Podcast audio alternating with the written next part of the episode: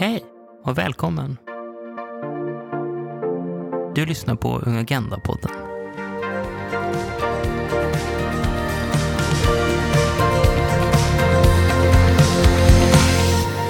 Hej! Välkommen! Det här avsnittet är ju ett EU-avsnitt och ni vet ju vad det betyder. Ja, det är att Hanna och Elsie eh, är med och pratar om EU.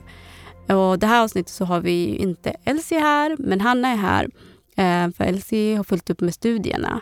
När du var här sist, då var det väl i juni, maj någonting. Ska Mm. du berätta liksom, för lyssnarna vad har hänt sen efter inspelningen, sist förra avsnittet med er? Ja, eh, det jag tror vi avslutade med, eller kanske började med under det senaste avsnittet innan sommaren, var att eh, EUs framtidskonferens precis hade startat. Man hade startdatum 9 maj under Europadagen och det blev startskottet för en årslång framtidskonferens som EUs institutioner eh, håller i gemensamt. Och eh, ja, sen dess är väl det liksom full gång och det innebär flera konferenser, medborgardialoger med medborgare från runt om i Europa men också eh, plenarsessioner eh, där bland annat LSU har en roll att spela för att vi har blivit men vi kommer också bli eh, inbjudna till eh, sådana sessioner och få diskutera hur framtiden ska se ut.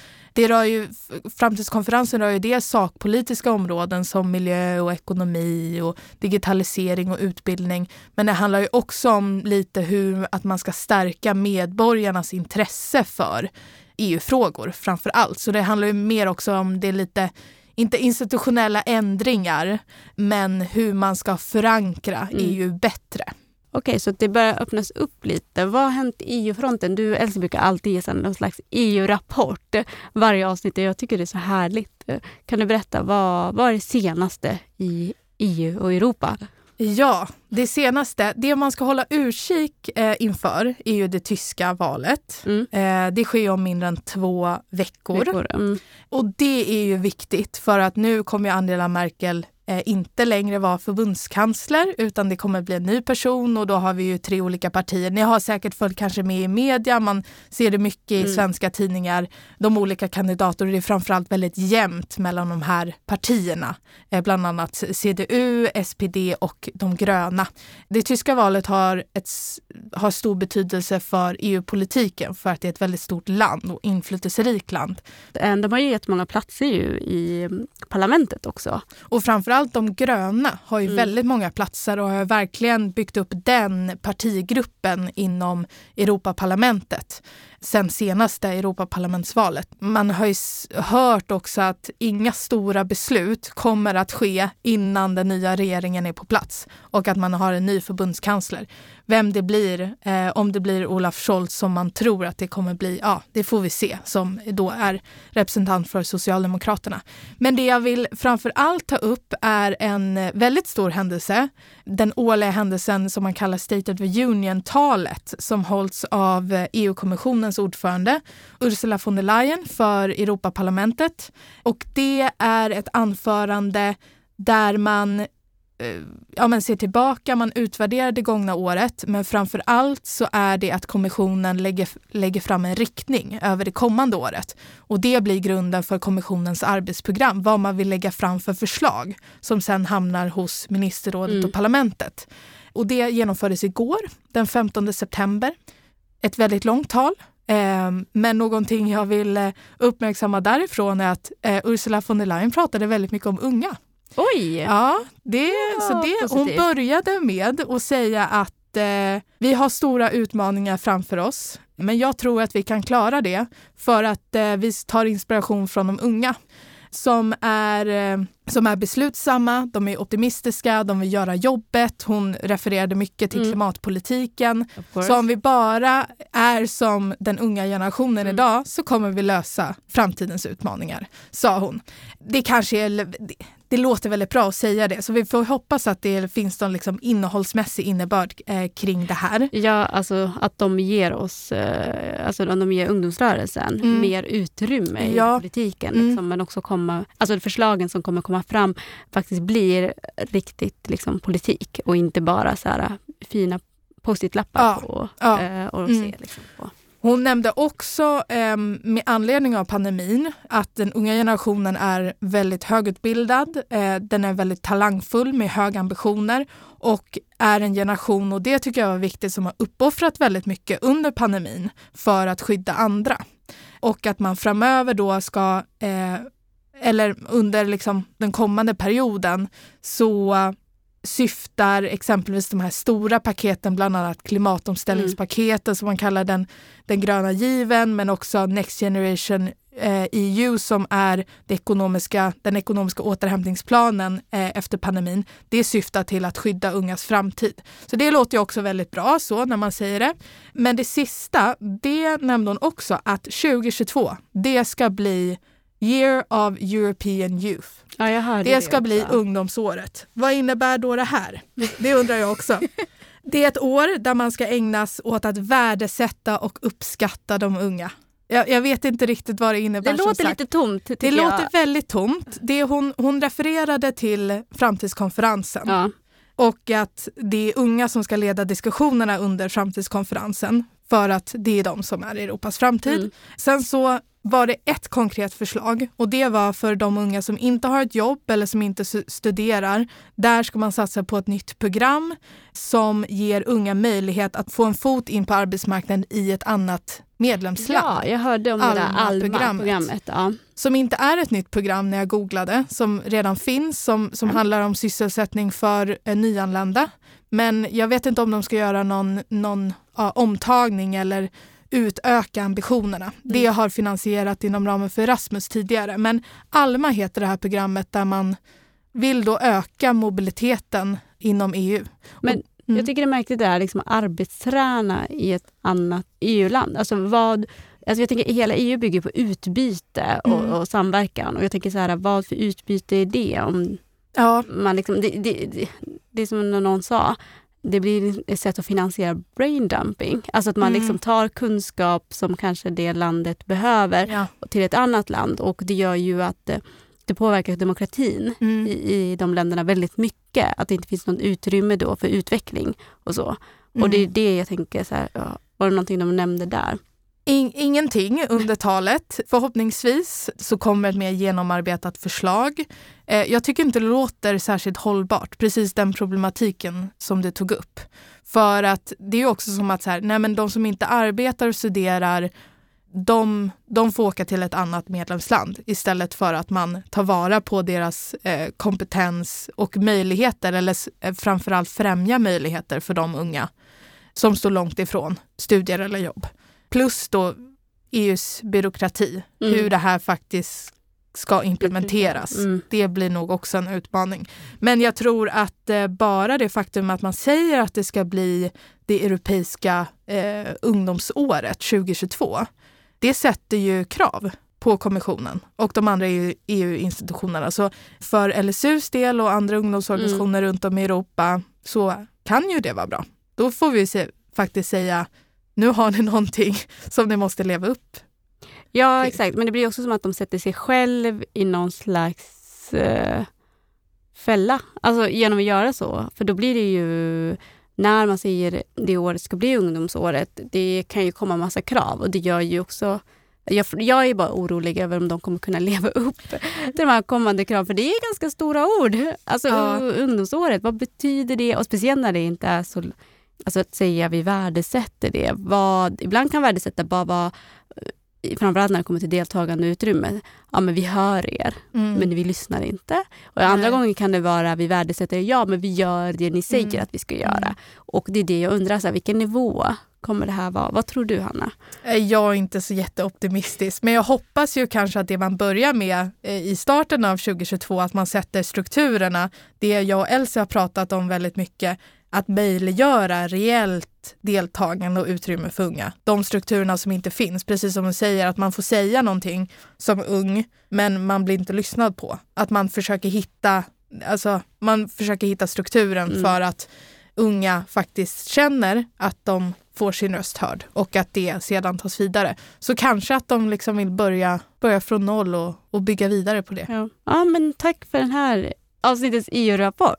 Vi följer upp det här ungdomsåret. Det blir väldigt spännande. Eh, det här blir första avsnittet med EU-fokus under den här säsongen som är andra säsongen av Unga Agenda. Inför det här avsnittet så bollade vi lite fram och tillbaka och tänkte vad, att det vore roligt att höra mer om mänskliga rättigheter med fokus eh, liksom, ja, med EU-perspektivet. För det missas oftast. Alltså att EU, det finns liksom bra eh, mänskliga rättighetsgrunder i EU som många kanske inte vet om. Så jag tänkte, liksom, kan du berätta Hanna liksom, om EUs roll i mänskliga rättigheter? Mm, mm, absolut. Kortfattat kan man väl säga att, eller kortfattat, nu ska jag gå tillbaka till när EU grundades så det kanske inte blir så kortfattat men eh, jag skulle säga att mänskliga rättigheter var ju delvis det som förde EUs grundare eh, samman efter andra världskriget. Att man trodde på gemensamma värden om demokrati, man trodde på fria val, rättsstatens principer, att alla är lika inför lagen.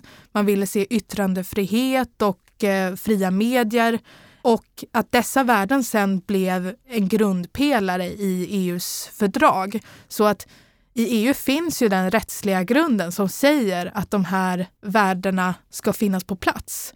Och att här har man ju en rättsordning som också skyddas genom att man har EU-domstolen där de domarna är bindande för EUs medlemsländer. Så grunden att värna om mänskliga rättigheter och alla, alla olika värden inom ramen för det, bland annat rättsstatens principer, det, det finns på plats. Sen om vi tar rättsstatens principer som en del så är ju det en fråga som har varit uppe på agendan under de senaste åren och som har utmanats väldigt mycket. Och där vissa medlemsländer kränker mm. rättsstatens principer, som exempelvis Polen och Ungern, där man ser att liksom det oberoende rättsväsendet inskränks. Och att det blir politiska påtryckningar, eh, vilket undergräver då eh, ett oberoende rättsväsende, men också för att, eh, att instanserna ska kunna eh, utöva sin verksamhet effektivt. Här försöker kommissionen liksom Eh, bromsa de här överträdelserna som sker.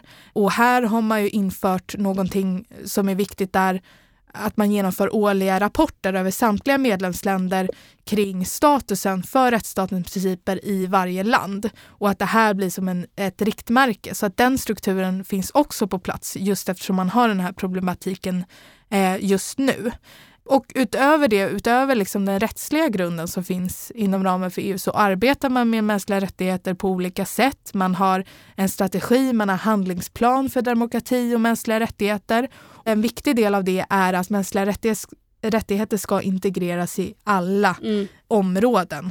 Parlamentet arbetar med mänskliga rättigheter, man har resolutioner, man har underutskott i parlamentet som arbetar med att se över de lagförslag, exempelvis som rör handelsavtal, om, det, om man märker att det finns saker som är tvivelaktiga där. Bland annat om det finns risk för barnarbete eller tvångsarbete så har det varit så att man i flera år inte har godkänt ett liksom ekonomiskt handelsavtal med ett annat land för att eh, det finns, det finns tvivel. Man vet mm. inte, man kan inte följa upp det. Och sen också så har EU ett väldigt stort eh, globalt, eh, inte, inte ansvar, utan närvaro eh, genom olika delegationer och representationer runt om i världen. Och där arbetar man eh, mycket med mänskliga rättigheter. Det kan vara insatser mot dödsstraff, eh, barns rättigheter som man tar upp och även liksom toppmöten och olika politiska dialoger. Exempelvis, man hade för några månader sedan ett möte med, med Turkiet där man bland annat tog upp att eh, Turkiet hade lämnat Istanbulkonventionen mm, eh, mm. som arbetar eh, mot eh, våld mot kvinnor. Och det hade man då lämnat och det kritiserar man väldigt hårt. Mm. Eh, så det är väl bara några exempel eh, hur man arbetar mm. med mänskliga rättigheter inom EU. Ja, men eh, tack Hanna eh, för den korta intron. Och nu har vi med oss en gäst eh, som också kan de här frågorna. Eh, och eh, då vill jag bara säga välkommen till Unga Agenda, vi Nester. Eh, vi vet ju vem du är, men du kan ju berätta för lyssnarna, vem är du och vad gör du? Hej eh, och eh, tusen tack för att jag får möjligheten att vara här och prata med er. Eh, super, superroligt, verkligen. Eh, Li Nester heter jag som sagt. Eh, och för att beskriva mig på ett mindre formellt sätt, eh, börja i den ändan i alla fall, så, skulle jag beskriva mig själv som ja, men nyfiken, eh, känslig eh, och eh, en frågvis person. Eh, med ett stort intresse för människor eh, som spenderar mycket, stor del av min fritid i, med djur och i natur men också inom det unga civilsamhället där jag är engagerad i rollen som nationell förbundsstyrelseledamot inom Röda Korsets ungdomsförbund. Vad roligt. Vi har ju alla träffats tidigare för att du sitter ju i referensgruppen för IOs ungdomsdialog som Hanna är ungdomsrepresentant inom. Kan du berätta kort vad det innebär? Ja men absolut. Ehm, som eh, referensgruppsdeltagare har jag varit då i egenskap av engagerad i Röda Korsets ungdomsförbund tillsammans med andra unga som är engagerade i LSUs olika medlemsorganisationer. Eh, och där har vi, eh, som jag skulle beskriva det i alla fall, blivit uppdaterade om Hanna och Elsis arbete som ungdomsrepresentanter i EU och helt enkelt fått bidra med våra perspektiv eh, från våra olika håll inom ungdomsrörelsen. Vi har till, till, exempel diskuterat olika frågor som ska lyftas i EUs ungdomsdialog eh, för att ge Hanna och Elsie input och just möjliggöra en bredare bild av ja, men vad tycker unga i Sverige om det här och vilka frågor bör prioriteras i ungdomsdialogen eh, från ett svenskt ungdomsperspektiv. Vi brukar alltid ställa eh, en fråga till alla våra poddgäster eh, och eh, det är frågan vilken stad eller ort är din favorit i EU eller Europa? Och eh, om du kan bara kommentera då varför du gillar just den eh, staden. Mm. Eh, jättesvår fråga, eh, tycker jag personligen. Eh, dels för att jag har eh, noll lokalkännedom oavsett land eh, liksom, eh, Eh, eller plats eller kontinent. Men jag landar ändå i att favoritstaden kanske är Köpenhamn. Och det är kopplat till minnen helt enkelt. Eh, jag tycker det är en trevlig stad eh, där jag har men, fått umgås med nära vänner och skapa minnen. Så det är väldigt personbundet snarare än staden i sig för att kanske göra er lite besvikna på den frågan. Det känns som det. Jag har hört Köpenhamn innan av ja, andra gäster. Det har varit ja. andra svar också. det verkar ja. vara en väldigt uppskattad stad och kanske no en stad som man har varit i flera gånger och haft eh, väldigt roligt och mm. varit med vänner och bekanta. Och, ja. Jag har inte varit i Köpenhamn men jag, nu känner jag mig faktiskt lite frestad när man hör ännu en person och bara så här, Köpenhamn, man bara Köpenhamn. det verkar ha något. Någonting där. Alla verkar gilla det. Eh, hur blev du engagerad i ungdomsrörelsen? Eller hur hamnade du liksom, i den här underbara rörelsen? Mitt engagemang inom ungdomsrörelsen men också civilsamhället i stort eh, började förhållandevis sent, från mitt perspektiv i alla fall. Eh, faktiskt först efter att jag vid 21 års ålder eh, hade privilegiet att få göra en utbytestermin eh, vid ett universitet i USA. Och det var där under mina utbytesstudier som jag engagerade mig i ett flertal studentorganisationer och var bland annat med och tog initiativ till universitetets eh, School Walkout som då 2018 var en protest, en nationell protest mot det dödliga våldet med skjutvapen eh, som vid den tiden då jag var i USA ökade drastiskt i skolor eh, runt om i landet. Så min utbytestermin var första gången som dörren till engagemang och till civilsamhället öppnades upp för mig. Vilket kan tyckas lite märkligt i och med ja, den starka traditionen av föreningsliv som Sverige ändå har. Och det visar ju också, tycker jag, på att civilsamhället faktiskt inte är tillgängligt eller inkluderande för alla, bland annat beroende på vilken skola du går i eller var du bor. Ehm, men så samtidigt som jag under min utbytestermin kände att så här, det här engagemanget vill jag fortsätta med på hemmaplan så var jag också upprörd över att så här, varför har ingen visat mig de här möjligheterna eh, tidigare? Det var ingen som kom till min skola och berättade att det fanns forum för mig som ung att påverka i till exempel. Så när jag kom hem ville jag helt enkelt eh, ta igen för alla år som jag hade känt att jag missat inom, inom civilsamhället eh, framförallt och började helt enkelt söka mig runt på olika föreningar eh, som arbetade med rättighetsfrågor på olika sätt. Och då hade jag ett år som aktiv i olika organisationer. och blev snabbt frustrerad över attityden gentemot unga och den brist på inflytande som vi unga hade inom, även inom organisationer som jobbar med rättighetsfrågor i Sverige. Eh, jag ville liksom inte bara få sitta med vid bordet och på sin höjd liksom få tycka till utan jag ville också se skillnad i liksom inflytande och handling. Och den frustrationen ledde mig till ungdomsrörelsen där jag eh, landade eh, och lite hittade hem hos eh, Röda Korsets ungdomsförbund. Vad är det för organisation och varför valde du Röda Korsets ungdomsförbund eller känner dig hemma där? Mm. Eh, men vi Röda Korsets ungdomsförbund är en självständig organisation men som är en del av det internationella Röda Kors och Röda halvmånerörelsen som finns i 192 länder över hela världen.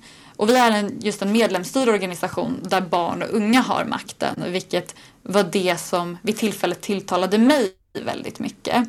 Eh, just reellt inflytande och att fokus eh, låg på barn och unga och makten hos barn och unga. Eh, och vi jobbar i Sverige för att hindra och lindra mänskligt lidande hos eh, barn och unga. Och det gör vi genom en rad olika verksamheter för och framförallt tillsammans med barn och unga. Eh, men också genom vårt påverkansarbete eh, gentemot makthavare. Men jag började som engagerad i en kompisgrupp i Röda Korsets ungdomsförbund eh, och det är en verksamhet som möjliggör och tillgodoser ungas rätt till en meningsfull och aktiv fritid. Eh, så tillsammans hittade vi på aktiviteter som till exempel att spela fotboll, baka, gå på bio, vad vi i gruppen än ville göra eh, med vår fritid helt enkelt. Och jag blev faktiskt fast direkt i den gemenskap som jag kände eh, och också medmänsklighet som jag tyckte genomsyrade hela den verksamheten och som jag sen fortfarande tycker genomsyrar hela organisationen. Ehm, och det fick mig att fortsätta, eh, först som verksamhetsledare för kompisgruppen i nästan två år innan Eh, jag tog mig modet, för för mig kändes det som ett stort kliv att sitta eh, i en nationell styrelse. Så jag tog mig sedan modet att söka till förbundsstyrelsen för att kunna påverka ännu mer. Eh, och där har jag nu varit förtroendevald ledamot på nationell nivå eh, i lite mer än ett år. Hur arbetar Röda Korsets ungdomsförbund med mänskliga rättigheter nu när det är avsnittets tema? Eh, vårt arbete med mänskliga rättigheter handlar om att möta barn och ungas behov där barn och unga är eh, och utifrån deras behov är just idag. Att tillgodose barn och ungas rättigheter i praktiken helt enkelt genom bland annat våra verksamheter. Eh, och då har vi till exempel eh, Läxhjälpen eh, som arbetar för barns rätt till utbildning och att alla barn och unga ska få eh, samma förutsättningar att klara skolan. På samma tema så har vi frukostklubbar eh, som serverar frukost för att alla barn och unga i Sverige ska få eh, med sina grundläggande behov tillgodosedda och för att ingen ska behöva gå hungrig i skolan. Vilket också såklart skapar förutsättningar för barn och unga att klara sin skolgång. Vi har eh, också en verksamhet som är mer fokuserad på att motverka psykisk ohälsa och skapa trygghet. Eh, där vi har, som heter Jourhavande kompis eh, vilket är en anonym stödchatt för unga som vill ha någon att prata med. Eh, som också bemannas av unga. Och jag var ju inne på det lite tidigare, eh, men så har vi ju kompisgruppen eh, som, som jag tidigare var engagerad i. Eh, som är en verksamhet som arbetar med att säkerställa barn och ungas rätt till en aktiv och meningsfull fritid. Och, så jag skulle säga att barnkonventionen och arbetet med barn och ungas rättigheter genomsyrar alla våra verksamheter. Men vi har också verksamheter som genom bland annat workshops informerar eh, om barns rättigheter och verkliggör barnkonventionen så att fler barn och unga dels vet om sina rättigheter och på så sätt också vet vem, var de kan vända sig och hur de kan agera när deras rättigheter eller kompisens rättigheter till exempel inskränks.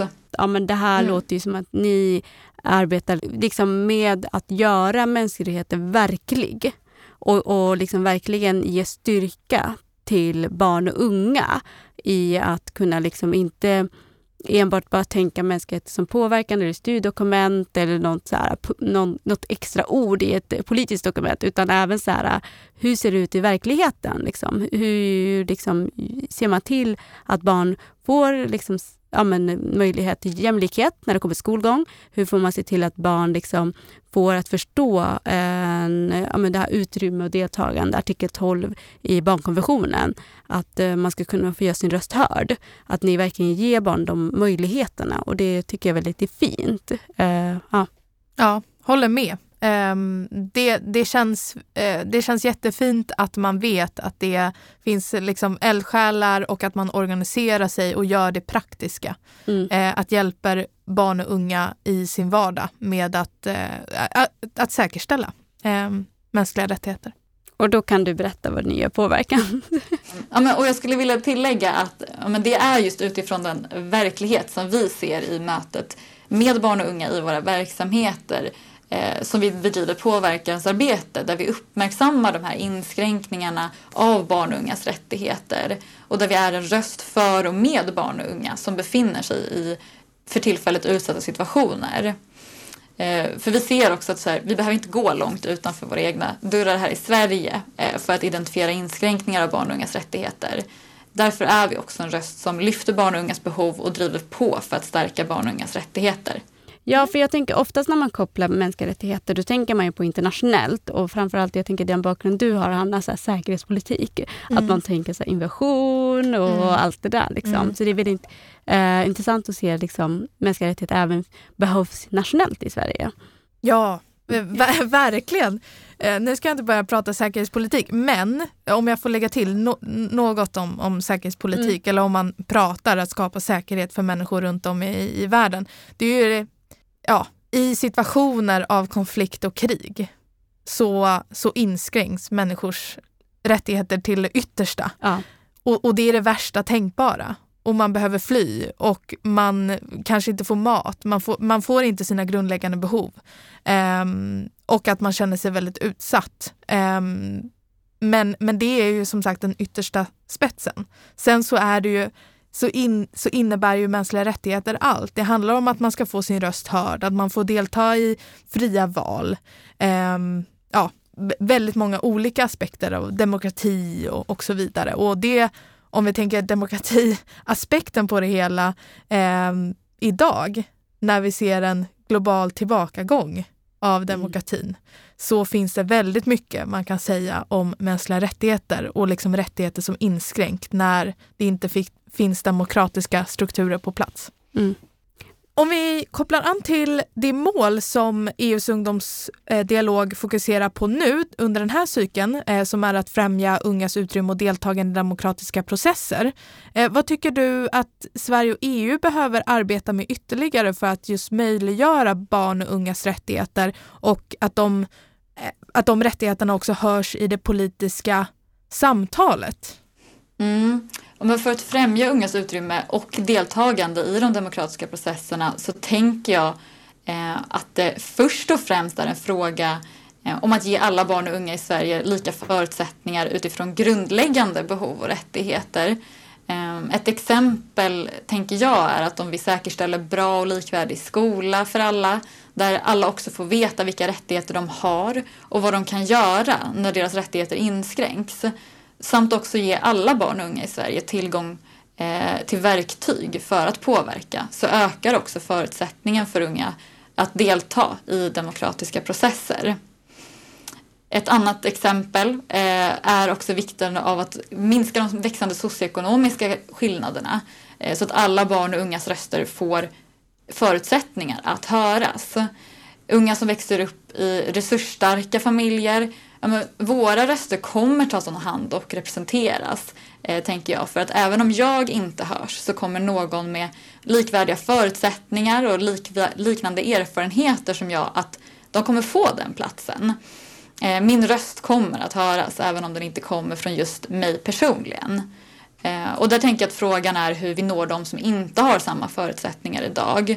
Och främst vikten av att skapa förutsättningar för att fler ungas röster ska få höras och få påverka de beslut som påverkar dem.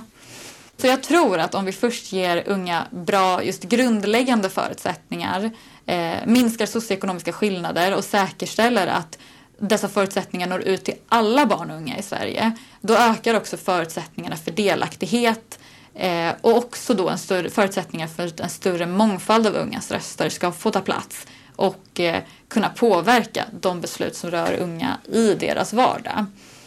Och det tänker jag är en del av det.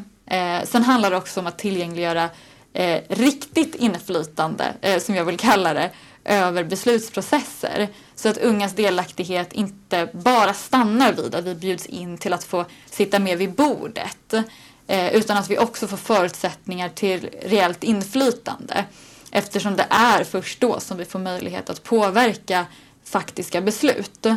Eh, på så sätt så ger vi också barn och unga ägandeskap i frågor som rör dem och ger unga en stärkt roll som samhällsmedborgare i demokratin. När man pratar om ungas inflytande och att man inte får sin röst hörd. Det finns så, så många olika saker man behöver göra. Eh, jag och Elsie har ju pratat väldigt mycket om olika liksom, politiska förslag. Att, eh, att exempelvis politiker i kommunen måste Eh, komma till skolor där unga är eh, för att få, få in ungas åsikter, att unga måste få en plats runt bordet där beslut tas och så vidare. Men också det ungdomsrörelsens kraft, att unga engagerar sig för politisk förändring, för olika sakpolitiska frågor. Och då kommer jag att tänka på det du sa Li i början, att ditt engagemang började ganska sent och jag känner igen mig i det här. Ehm, jag vet att jag gick i eh, i gymnasiet, jag är född och uppvuxen på Lidingö som är en väldigt liksom, resursstark eh, kommun och eh, jag gick i gymnasiet på den gymnasieskolan som fanns på, på Lidingö och då vet jag att eh, det var inte så många organisationer som kom till skolan. Eh, det var några politiska ungdomsförbund som liksom stod vid ett bord i kafeterian. Och det jag och några vänner reagerade på var att det bara var liksom två partier representerade. Mm. Och vi förstod inte varför det var så. Så det var liksom första, första kanske så här åtgärden att jag tillsammans med mina vänner gick till rektorn och ville få svar på varför inte flera politiska ungdomsförbund fanns representerad. Inte för att kanske vi vi tog inte liksom, eh, vi var för rädda för att gå med, men att vi ville att alla skulle finnas representerade. Mm. Och vi fick, på, eh, vi fick svar och vi blev väldigt arga på det. Så här, ja men varför ska någon sosse komma hit? De, de kommer ingen vilja prata med ändå. För ja, det, mm. vi fick det svaret, mm. vilket är väldigt anmärkningsvärt från en rektor ja. som uttrycker sig på det sättet att nej men vadå, ingen kommer vilja prata med dem ändå. För att ja här vill ingen, inom den här kommunen vill ingen prata med dem. Väldigt, väldigt konstigt uttalande. Men att jag tänkte på det du sa för att det är tråkigt att man inte gavs förutsättningar när inte organisationerna kom till skolan, att inte ens alla politiska ungdomsförbund fanns representerade där man kunde prata och få en inblick i ett politiskt ungdomsförbund eller en partipolitiskt mm. obunden mm. organisation. Eller för den delen liksom elev, eh, elevkåren. Mm. Eh, där fick inte jag en plats heller. Eller mm. även fast jag var intresserad så var det bara för de populära personerna i skolan att eh, jag hade intresset för samhällsfrågor men man fick inte den möjligheten. Um, vilket är väldigt tråkigt idag när, när så mycket händer i Sverige och i omvärlden. Och vi behöver fler unga, tycker jag, som mm eh, både är aktiva i ungdomsrörelsen, alltså partipolitiskt obundna organisationer, men också unga som är med i partipolitiska organisationer och tycker till mm. och ställer krav.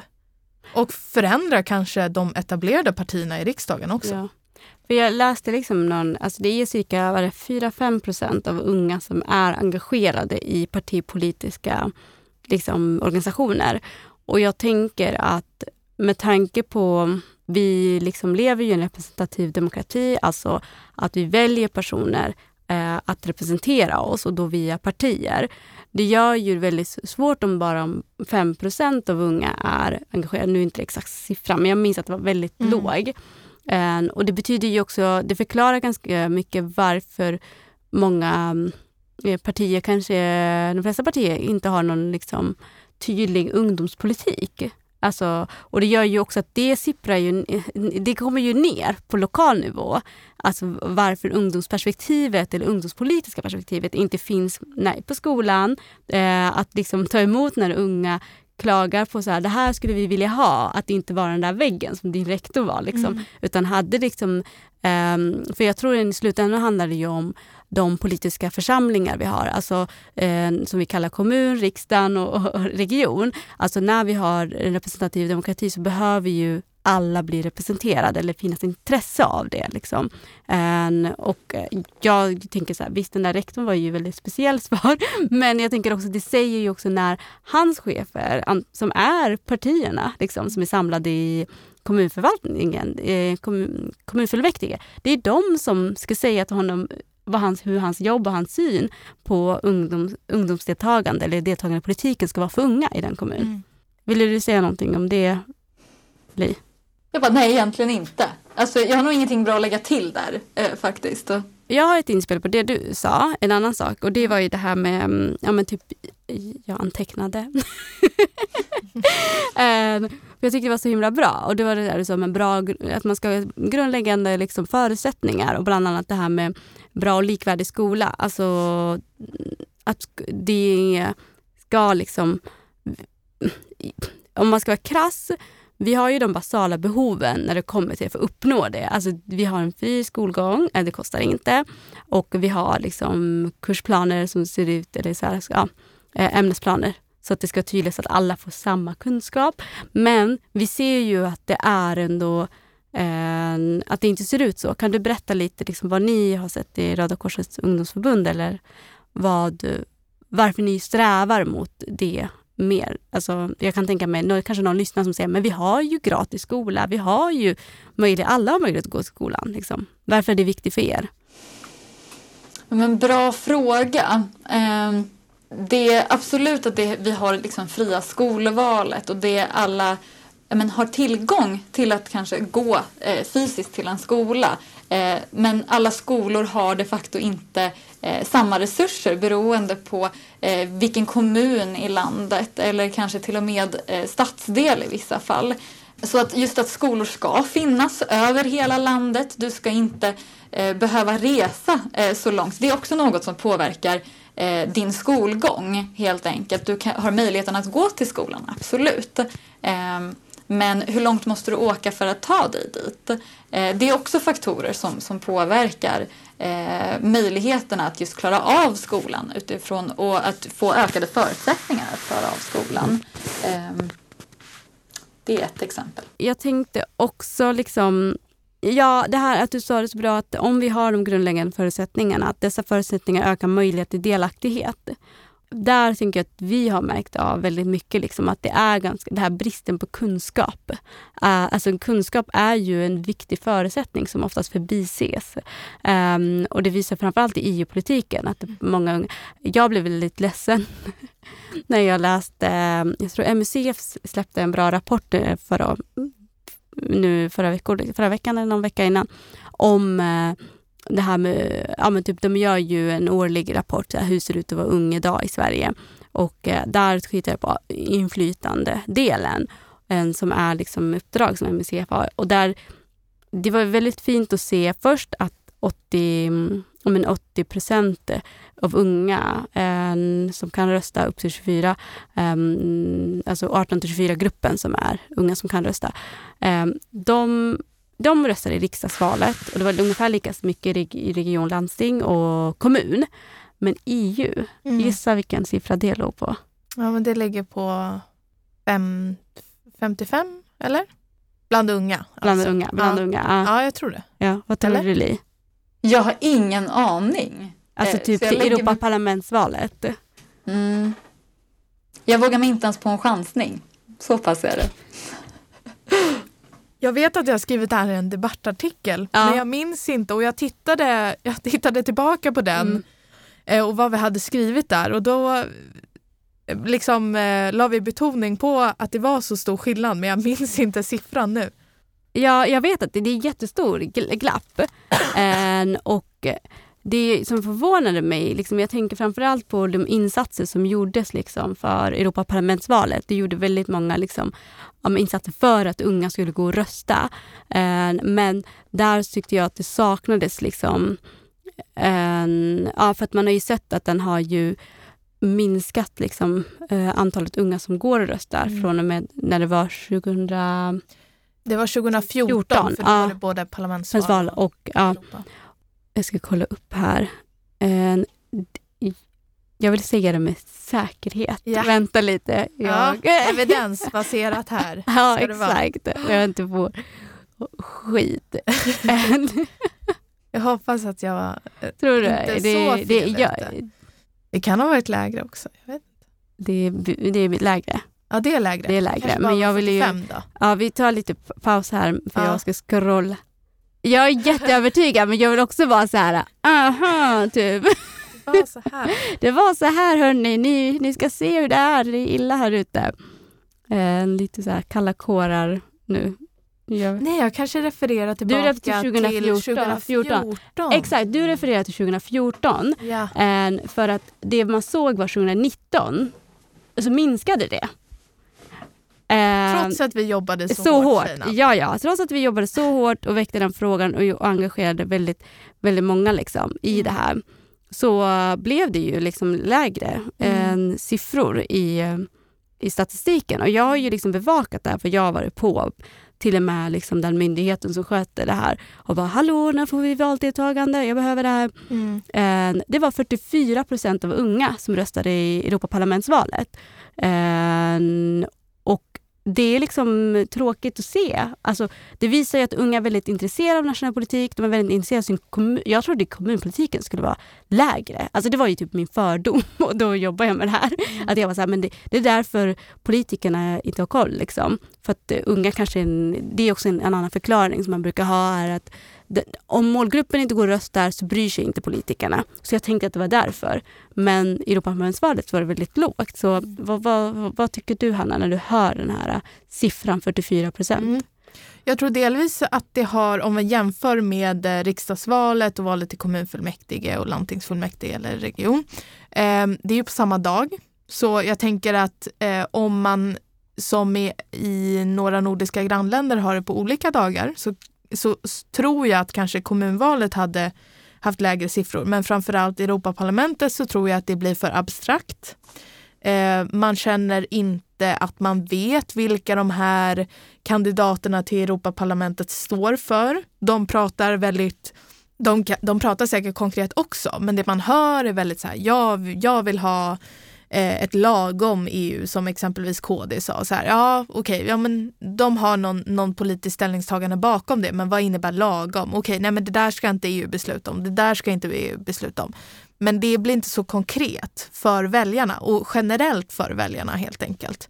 Eh, Så jag tror att man inte känner samma igenkänningsfaktor och man vet inte hur politiken kommer påverka en eh, i ens vardag. Och Mm. sen så tror jag också att det har med, Eh, vi pratar om kunskap, att EU är någonting långt borta. Det är inte någonting man lär, lär sig att det hör ihop.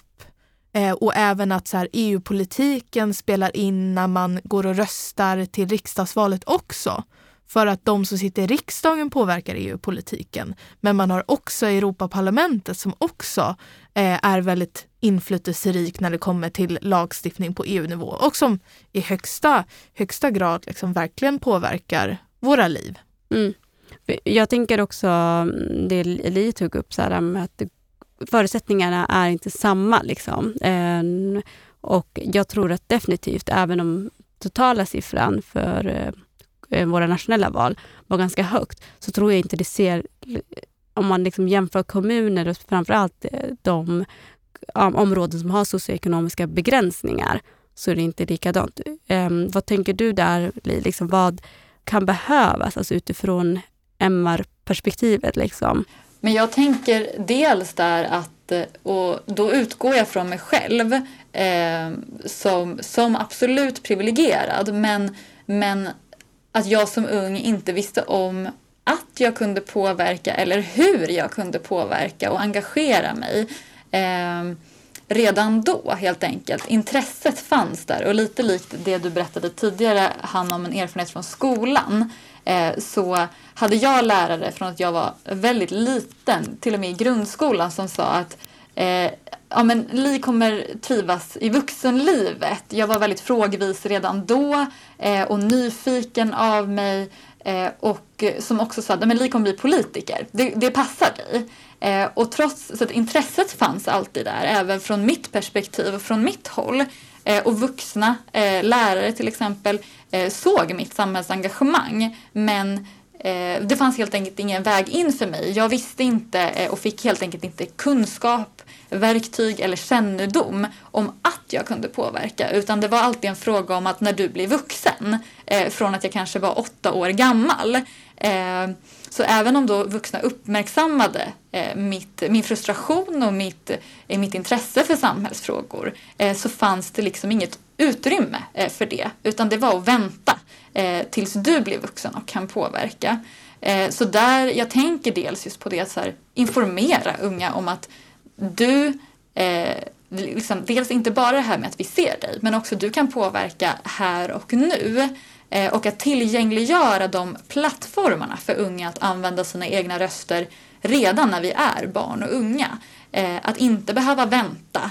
Eh, för den frustrationen kan också ta sig uttryck på, men på helt olika sätt och kan också dö ut. Om ett engagemang finns och får brinna väldigt länge, eh, det betyder inte att, eh, att man orkar helt enkelt i längden. Eh, mm. Mm.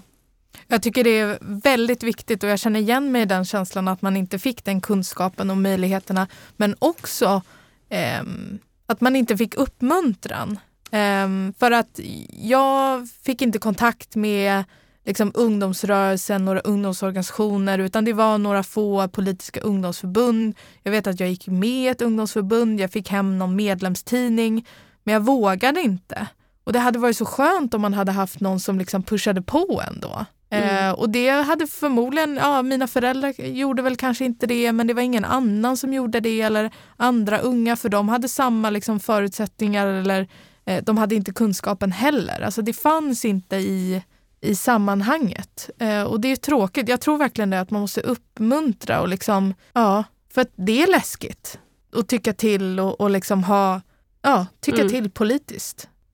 Och där tycker jag dagens unga är, är så eh, modiga. När jag i mitt, i mitt jobb helt enkelt med barn och unga framför allt eh, så, så kan det räcka med liksom, sociala medier. De har sett liksom, verksamheten mm. till exempel, eller organisationen på sociala medier och går på ett, eh, liksom, ett evenemang till exempel. Att den nyfikenheten eh, och det modet eh, finns där helt enkelt. Att det kanske inte behöver vara en vuxen eh, som vägleder in heller utan att sociala medier faktiskt också har öppnat upp eh, möjligtvis för fler att engagera sig och för fler att hitta former där de kan liksom få använda sina egna röster och påverka. Eh, så jag ser upp ändå till de som är ännu yngre än jag eh, som är så modiga, eh, som, där det räcker helt enkelt med att jag ser ett inlägg på sociala medier och eh, jag går på det där evenemanget utan att någon håller mig i handen till exempel på väg dit. Jag tänkte säga, nu kommer jag vara eh, tråkig så här, finns det en risk med sociala medier? Men eh, jag tänker för att man, unga är väldigt modiga mm. och uttrycker politiska åsikter. Men finns det någonting att det ändå att det stannar där för att det som var så fantastiska fantastiska när du berättade om Röda Korsets ungdomsförbund, att ni jobbar så praktiskt och att man skapar den här gemenskapen, att man träffas fysiskt. Och nu har det varit pandemin så man har inte träffats fysiskt, men just den delen. Är, finns det några liksom stoppklossar från att man eh, bryr sig om liksom klimatfrågan eller en konflikt mm. eh, som sker och att man ser mänskligt lidande eh, till att man faktiskt liksom hittar den här organiseringen även offline. Vad tycker ni? Alltså ja och nej. Alltså jag tror det som är positivt är ju liksom att det, man är inte så begränsad av vilka man känner. Liksom, att jag håller med Li där, att man kan liksom gå in på Facebook och så ser man liksom så här, åh, de, de här tycker till på det här sättet som jag tycker. Eller att ja, men den här verksamheten låter jätteintressant. Jag skulle lätt vilja göra något sånt. Eh, Eh, men samtidigt håller jag med dig Anna också. Typ mm. att um, Man vill ju ha lite mer offline-aktiviteter och att man ser ju enligt liksom, den här rapporten MUCF idag, eller ja, Ung idag, då står det ju liksom att unga är ännu mer politiska än någonsin. Alltså eh, så tycker till och gör massa saker men det är inte många som är organiserade. Um, och jag tror att där har vi liksom en roll som tillhör ungdomsrörelsen att försöka göra organisering roligt eh, på något sätt. Liksom. visst, att sitta i en förenings, ja, med styrelsemöte, det kan bli kul. Eh, om man inte bara håller det så himla så här, eh, stelt och tråkigt. Liksom. Eh, för ibland är det ju, det är ju en demokratiskola. Alltså man lär sig mm. liksom så här, men det är, så, det är lite så jag märkt i mitt arbete, att det ser likadant ut ju högre upp man kommer i politiken. Men jag, jag håller med verkligen så här, om en offline aktiviteter och göra saker tillsammans. Och där tycker jag eh, att där har ju de som har makten skyldiga att stötta upp, alltså framförallt de vuxna beslutsfattarna, att se till så här att, att, när ett engagemang finns och det inte finns någon ungdomsrörelse, då ska vuxna försöka så här, hjälpa till och bara säga okej, okay, jag ser att du är väldigt engagerad och tycker till. Vad kan vi göra med det här engagemanget? Istället för att säga vänta tills du är vuxen. Det är så himla tråkigt att få höra det, för det släcker ju engagemang. Mm. Och jag tänker utifrån vuxnas roll i den här demokratiskolan är ju verkligen froda det liksom, och odla upp det så det blir så bra. För det, vuxna har en roll i att se till att unga mm, personer senare kommer ju liksom bli medborgare. Det är de som... Eh, ja, på så sätt måste man tänka framtiden, men här och nu också. Framtiden är nu. Mm. Vill du? Nej, men eh, jag tänkte också på det att en annan risk, tänker jag att man är en politisk generation som tycker till, man använder sociala medier, digitala plattformar. Men att då kommuner kanske kan säga nej men de är på internet så vi behöver inte lägga pengar. Vi behöver inte lägga, lägga till det här liksom budgetposten i, i kommunens budget för, för de kommande åren för att satsa på de här offline-aktiviteterna. Du menar lokaler? Ja, ja lokaler exempelvis där, där många ungdomsorganisationer säger att det finns en stor brist idag. Eller sport, kultur, allting, att man kombinerar olika fritidsaktiviteter med att tycka till politiskt. Um, tycka till politiskt för att få sina, sina rättigheter um, säkerställda. Vill du säga någonting? Ja. ja men, och där tänker jag att det ena eh, aldrig får utesluta det andra utan att eh, vi möjliggör för eh, flexibla engagemang och eh, gemenskap men också politisk påverkan via sociala medier till exempel, att använda den plattformen. Men att det, eh, det ska inte ta bort heller eh, de fysiska verksamheterna och den gemenskap eh, som jag personligen i alla fall eh, tycker bildas först när, när människor möts. Eh, den gemenskapen som gör att jag kommer även nästa gång eh, på det här Eh, evenemanget till exempel, eller styrelsemötet för den delen. Och också tyckte jag om det du sa eh, Sina tidigare, då skrev jag ner för mig själv, våga vara prestigelös. Att göra även det fysiska engagemanget eh, kul, dels verkligen göra det, göra det roligt, eh, våga vara prestigelös eh, från de kanske mer traditionella formerna, även om det handlar om att vara engagerad i en lokalföreningsstyrelse eh, så är det också en fråga om inkludering. Eh, att inte använda de svåra orden eller förkortningarna som ingen ändå vet vad de betyder i princip. Eh, utan att göra också det fysiska formatet som kanske kan kännas lite eh, läskigare. Att gå till ett sammanhang själv till exempel. Eh, om jag inte har personer i min närhet som är engagerade.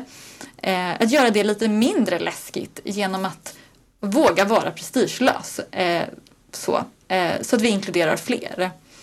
Eh, men jag tänker absolut på det du sa Hanna om att det ena får liksom inte utesluta det andra utan utnyttja fördelarna med, med sociala medier till exempel för ungas engagemang eh, och politiska påverkan men att också eh, använda det fysiska utrymmet för att bygga den gemenskapen och det personbundna mötet. Eh, det är där i det jag utvecklas som person i alla fall och utvecklas i mitt engagemang. Det är när jag har mött andra människor. Mm.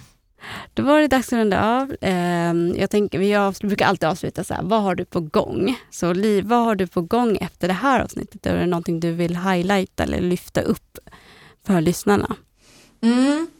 Um, det mindre roliga är att jag ska djupdyka, det, eller det är roligt, eh, men kanske inte så roligt för lyssnarna. Jag ska djupdyka med näsan in i skolböckerna eh, precis efter det här.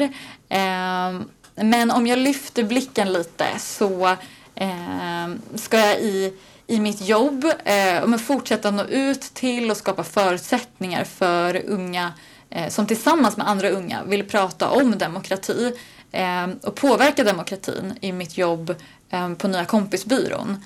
Eh, och såklart fortsätta med ett engagemang för att stärka och tillgodose barn och ungas behov och rättigheter eh, tillsammans med andra engagerade inom Röda Korsets ungdomsförbund. Och Hanna, vad har du framför dig? Ja, jag tänker jag, jag fokuserar på mitt och Elsis eh, representantuppdrag. Och i höst, vi har en sista EU-konferens, digital blir den. Eh, så den kommer jag fokusera på eh, göra liksom bra eh, inlägg på den konferensen eller snarare så här, eh, sluta cirkeln kring det, mm. och jag, det som jag och Elsie redan har tagit upp och, så, och se till att det tas vidare också till eh, nästa cykel som börjar efter årsskiftet eh, då Frankrike tar över eh, ordförandeskapet och är också värd för nästa, för nästa termins eller nästa halvårs ungdomskonferens där man fok kommer fokusera på eh, klimat och miljö men också ungas eh, inkludering. Eh, så att de tar med sig det vi mm. har jobbat Eh, med in i nästa period. Och sen så kommer jag, både jag och Elsie försöka följa eh, e EUs framtidskonferens, se vilka möjligheter eh, till deltagande vi får kring där, om det är någonting som vi inte tycker efterlevs. Exempelvis man säger att man ska fokusera på att ungas röster kommer till tals. Gör de verkligen det? Att man liksom kollar och ser och ställer, ställer frågor om så inte är fallet. Och jag fortsätter ju med podden tillsammans med er och FN-representanterna. Ehm, och nästa avsnitt blir ju FN-fokus och då tillsammans med Daniel som är ungdomsrepresentant i FNs HLPF som står för High Level Political Forum där de diskuterar eh, hållbar hållbarhetsfrågor. Eh, och då kommer jag Daniel prata lite om det och vad han har gjort eh, sen somras. Det har ju varit uppehåll så det är jättekul att höra från er vad ni har haft för er och vad som är på gång. Så tack för att ni har lyssnat och tack till dig Li för att du har varit med i det här avsnittet som extra gäst.